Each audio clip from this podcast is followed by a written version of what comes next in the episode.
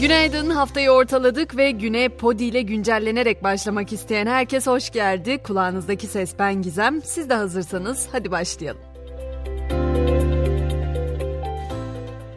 Yeni kabine ilk toplantısını dün yaptı ve Cumhurbaşkanı Erdoğan Kurban Bayramı tatilinin 9 gün olacağını açıkladı. Emekli maaş ve bayram ikramiyeleri de bayram öncesi ödenecek. Tabi 9 güne çıkan bayram tatiliyle birlikte gönül istiyor ki tatlı yiyelim tatlı konuşalım bu bayram diyeyim ama yükselişini sürdürerek 22 liranın üzerine çıkan dolar yeni bir rekora imza attı.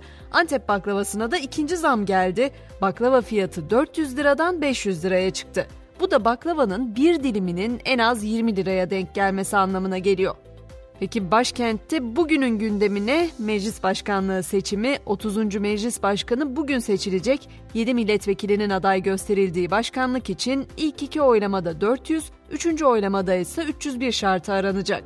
Hemen hızlıca adayların kim olduğunu da sıralayayım. AK Parti'nin başkan adayı Numan Kurtulmuş, CHP'nin ise Tekin Bingöl oldu. İyi Parti Cihan Paçacı, Yeşil Sol Parti Tülay Hatimoğulları Oruç, Tip cezaevindeki Can Atalay, Deva Partisi Mustafa Yeneroğlu, Gelecek Partisi ise Serap Yazıcı Özbudun'u aday gösterdi.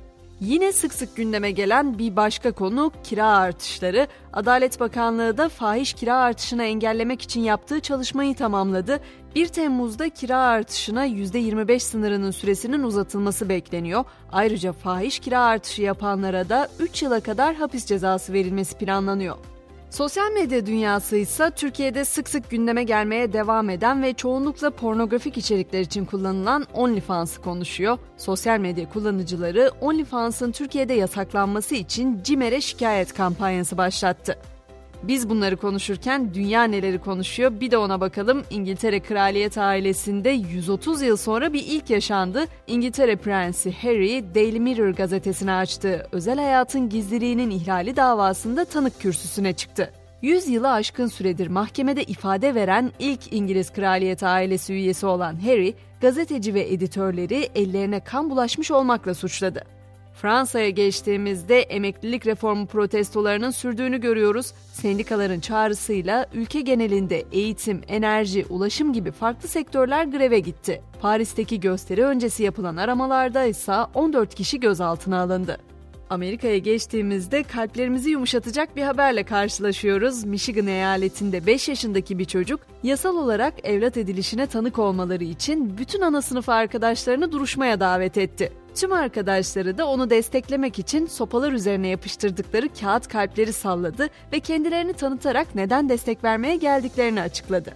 Her zaman söylediğimiz gibi hayatta olasılıklar sonsuz, Florida'da ise bir kadın iki ay arayla iki kez piyangoyu tutturdu.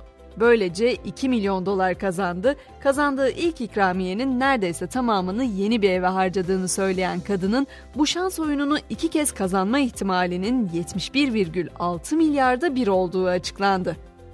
Korona kabusu içinse bitti dedik ama bitti dediğimiz yerden mi başlayacak sorusunu gündeme getiren bir gelişme var. Avrupa Birliği Sağlık Kurumları COVID-19 aşılarının yeni varyantlara göre güncellenmesini istedi virüsün kış aylarında tehdit olmaya devam edebileceği uyarısı yapıldı.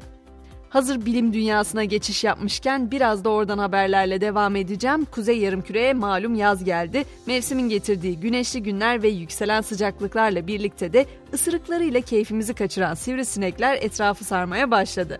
Sivrisinek ısırığıyla mücadele etmenin yollarını arayan bilim insanları ise yeni bir tür kimyasal kamuflaj geliştirdi. Geliştirilen bu kovucu maddenin sivrisinekleri uzaklaştırmada %99 etkili olduğu belirtiliyor. Amerika'da ise bilim insanları havadaki karbondioksit seviyelerinin Mayıs ayında en yüksek seviyeye ulaştığını duyurdu. Bu seviyenin milyonlarca yıldır görülmediği açıklandı. Atmosferdeki bu karbondioksit seviyelerinin artmasının ise tamamen insana dayalı faaliyetlerin doğrudan bir sonucu olduğu vurgulandı. Artık spor diyelim. UEFA Avrupa Konferans Ligi finali bu akşam oynanacak. İtalya'nın Fiorentina ekibiyle İngiltere'nin West Ham United takımlarının Çekya'da karşı karşıya geleceği maç saat 22'de başlayacak. Süper Lig'de de sezon bugün oynanacak 4 maçla sona erecek. Öne çıkan mücadelede Beşiktaş saat 20'de Konya Spor'la karşılaşacak. Real Madrid'e veda eden Karim Benzema ise Al Ittihad'la 2026'ya kadar sözleşme imzaladı. Benzema 3 yılda tam 600 milyon euro kazanacak. Ve güncellenin sonuna geldiğimiz bu dakikalarda bu sabahın mottosu eski bir Formula 1 pilotundan geliyor. Eğer her şey kontrol altında gibi görünüyorsa yeterince hızlı gitmiyorsun demektir diyor Mario Andretti. Akşam 18'de yeniden görüşünceye kadar şimdilik hoşçakalın.